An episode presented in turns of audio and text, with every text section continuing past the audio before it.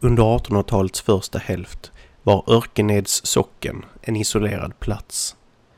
Från att ha varit en central teater i de dansk-svenska krigen och bas för många snapphanar, vilket slutligen lett till nedbränningen av socknen 1678, förvandlades den lilla korgmakarorten Lönsboda i socknens mitt till kyrklig huvudpunkt. Men trots kyrkans centrala makt i den ödsliga skogen i nordöstra Skåne levde tron på det övernaturligas kraft kvar i torp och stuga. I detta avsnitt av Folkpodden kommer vi att följa tre huvudpersoner i en saga som än idag är högst levande på orten. Nämligen sagan om Svartkonstskolan.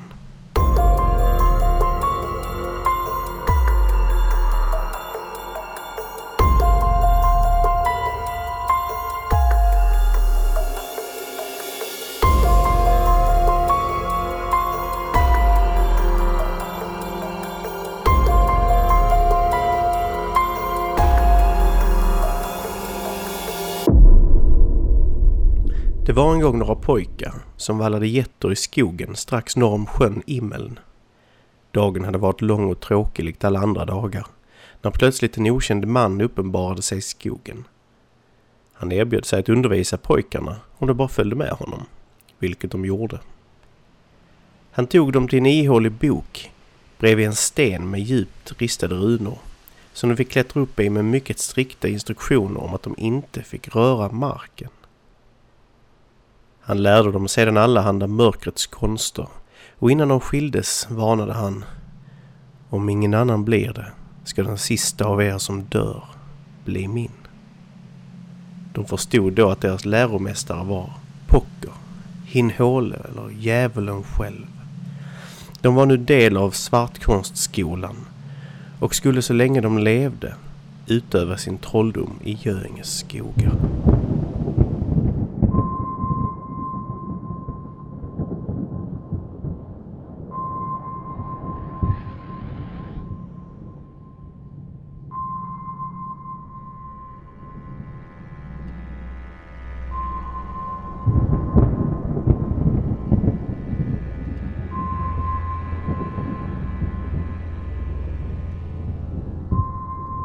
En torsdagsnatt när månen var full gick de baklänges runt kyrkan tre varv för att sedan blåsa genom nyckelhålet på kyrkporten.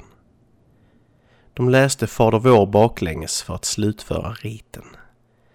De tre unga männen, Neringen, Gyssajösse och Höken skulle nu ta sin examen från Svartkonstskolan. Den första söndagen i advent begav de sig tillbaka till den ihåliga boken där de lärt sig allt trolltyg. Läromästaren hade bestämt att den som anlände sist skulle tillhöra honom. Just denna kvällen var näringen sist, men nu hade han blivit så kunnig att han kunde lura sin mästare. Han sa att han minsann inte alls var sist, utan det var ju faktiskt hans skugga, så det skulle Pocker få nöja sig med. Sedan den dagen, oavsett hur starkt solen än sken, hade näringen ingen skugga. Men läromästaren var aldrig riktigt nöjd. Ibland försökte han hämta någon av trollkarlarna trots att tiden ännu inte var inne. Gyssajösse läste varje kväll ur sin svartkonstbok för att hålla den onde borta. Men en kväll, när han supit för hårt, hade han glömt att läsa sina förmaningar ur boken och plötsligt mitt i natten anlände en fin herre i vagn för att hämta honom. Jösse förstod kvickt vem som kommit för honom och läste genast ur sin svartkonstbok och efter en hård kamp lyckades han slutligen att mana bort främlingen.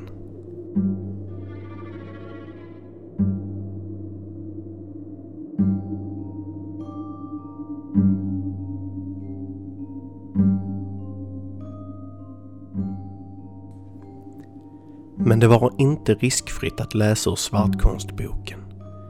En grupp skolbarn råkade en gång läsa ur den och såg där i formel beskrivande hur man kunde mana upp de döda. Det hör till saken att kringvandrande tiggare hade dött nyligen och låg i skolmästarens uthus.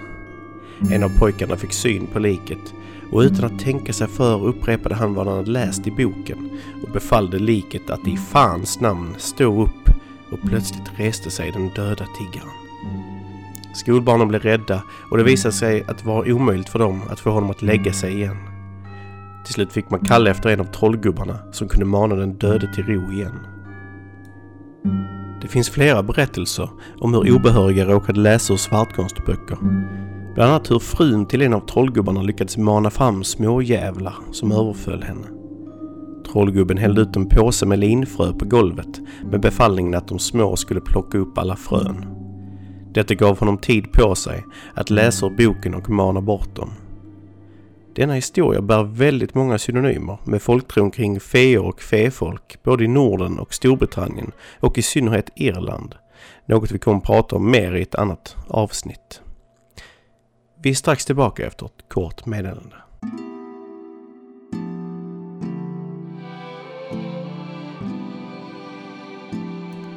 Om du gillar det du hör och om du gillar Folkpodden är du välkommen in på Frontier Unknown.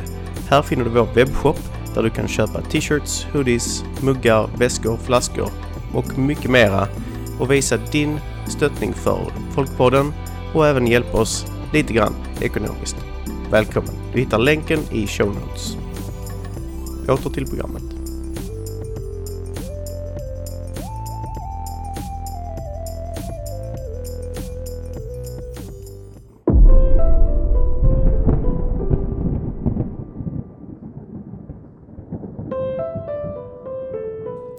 Neringen, som var en av Svartgårdsskolans mest kunniga elever, var väldigt eftertraktad av många i Örkenedstrakten. De använde sig av hans kunskap när folk eller boskap blev sjuka, när man tappat bort något eller till och med i vissa fall när man ville åsamka någon skada. En gång blev han själv så arg på en person som lurat honom att han genom att bara läsa en bön kunde smida bort ögonen på honom och mannen blev helt blind. Men han var som sagt inte den enda trollkarlen i Örkened. Gyssajösse var glad i spriten och varje jul brukade han bli hembjuden till en kar i trakten då han inte ville dricka ensam. Allt eftersom kvällen led brukade Jösse till slut fråga sin vän om han inte ville lära sig trolla ändå. Han slog upp sina böcker och hans vän har senare berättat hur de var skrivna med allehanda prickar och krumelurer som de flesta vanliga dödliga inte kunde förstå. I böckerna var det många röda figurer målade på sidorna. Kanske menar man i detta fall runor, götiska sådana för att vara mer exakt. Den götiska runraden har sina rötter i de medeltida runorna och är mycket framträdande i såväl svartkonstböcker som tidiga grimoarer och frimurarhandböcker från 1700-talet, där de blandades friskt med alkemiska och kabbalistiska symboler. I Jösses bok kunde man läsa hur man skulle gå tillväga för att bli trollskytt, hur man skulle återlämna tjuvgods och hur man kunde förgöra kreatur. Ju längre bak i boken man kom, ju värre blev formlerna där i och till slut ville inte Jösses vän vara med längre. En julafton när hans vän anlände till Gyssajösses lilla stuga stod trollgubben på trappan till gården. Jag talar med överste prästen, sa han högtidligt. Hans vän lämnade illa kvickt av rädsla, då han minsann hade insett vem den här översteprästen var. Likt Neringen var Gyssajösse ofta kallad till folk i bygden för att hjälpa till med allehanda sjukdomar och lycksökande. Och om man inte passade sig kunde man råka illa ut. En bonde som lånat pengar av Jösse men sen inte ville kännas vid lånet blev plötsligt väldigt sjuk och dog, bara 40 år gammal. Folket i byn påpekade det märkliga dödsfallet och riktade så misstankar mot Jösse. Nåja, svarade han. Då kunde han väl varit en ärlig och rättvis människa istället. Ibland gav han väldigt specifika instruktioner för att lyckas lösa det problem han drogs med. En gång blev han kontaktad av en gubbe som tappats bort, tappat bort de linnevävar han lagt på ängen för att blekas. Jösse sa åt honom att gå ut i skogen tre torsdagsmorgnar i rad, tigande och fastande.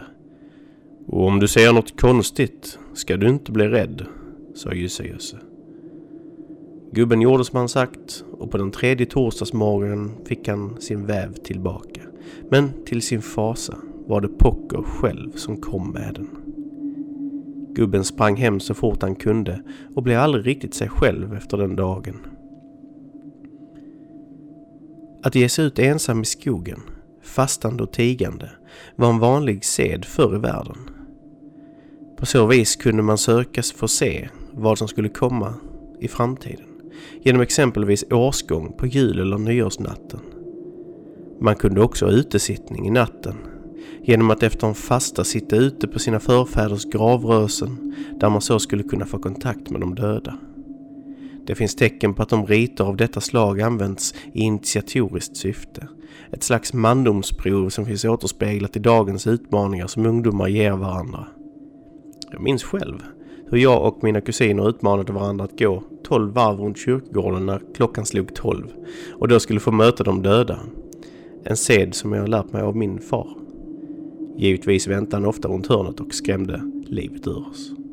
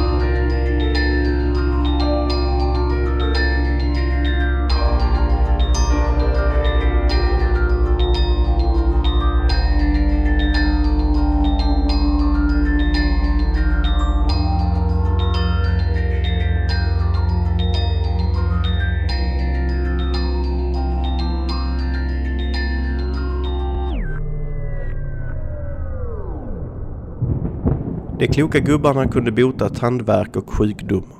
Släcka eld och driva bort spöken, ja de kunde faktiskt det mesta.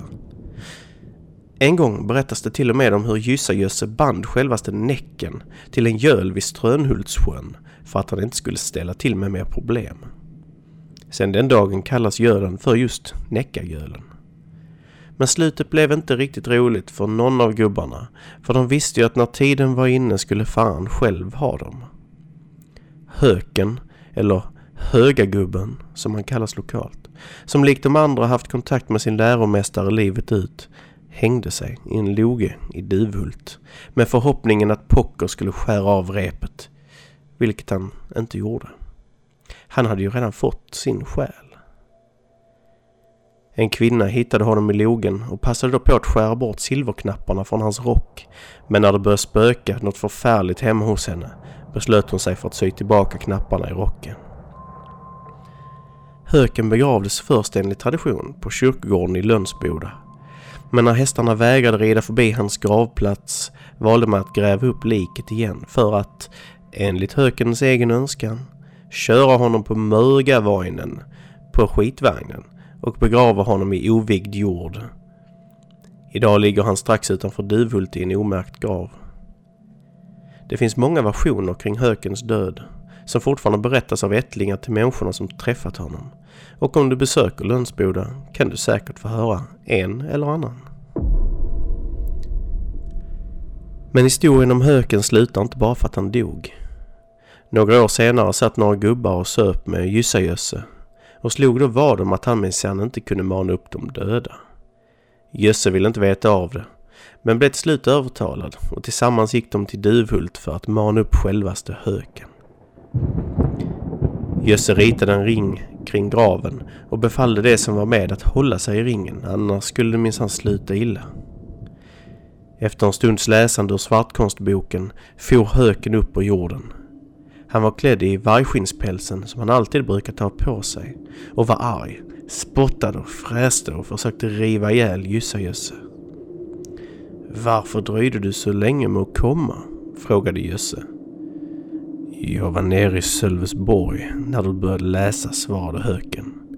Och jag ska säga er att komma från livet det är lätt. Men att komma tillbaka till livet är många gånger värre. Och läser du upp mig en gång till så river jag ihjäl dig. Ett par dagar senare fick prästen reda på vad Jösse gjort och befallde att den döde skulle pålas. Ett vedertaget sätt över hela Europa för att hindra de döda från att vandra igen. Och tog svartkonstboken i beslag för att sedan bura in den i kyrkväggen. Jösse levde till en respektabel ålder då han fick en präst till Glimåkra att döpa om honom till Ingegärd och sedan aldrig vistades utomhus utan en duk kring sitt huvud så att den onde inte skulle känna igen honom. Men Neringen gick det värre för. Han hittades död på en åker utanför Fjälkinge strax utanför Kristianstad. Han låg där med ansiktet ner i gyttjan alldeles fördärvad och sönderriven. Någon hade dragit omkring med honom kors och tvärs över åkern då marken var alldeles uppsliten. Nog kunde man förstå vem han kämpade mot.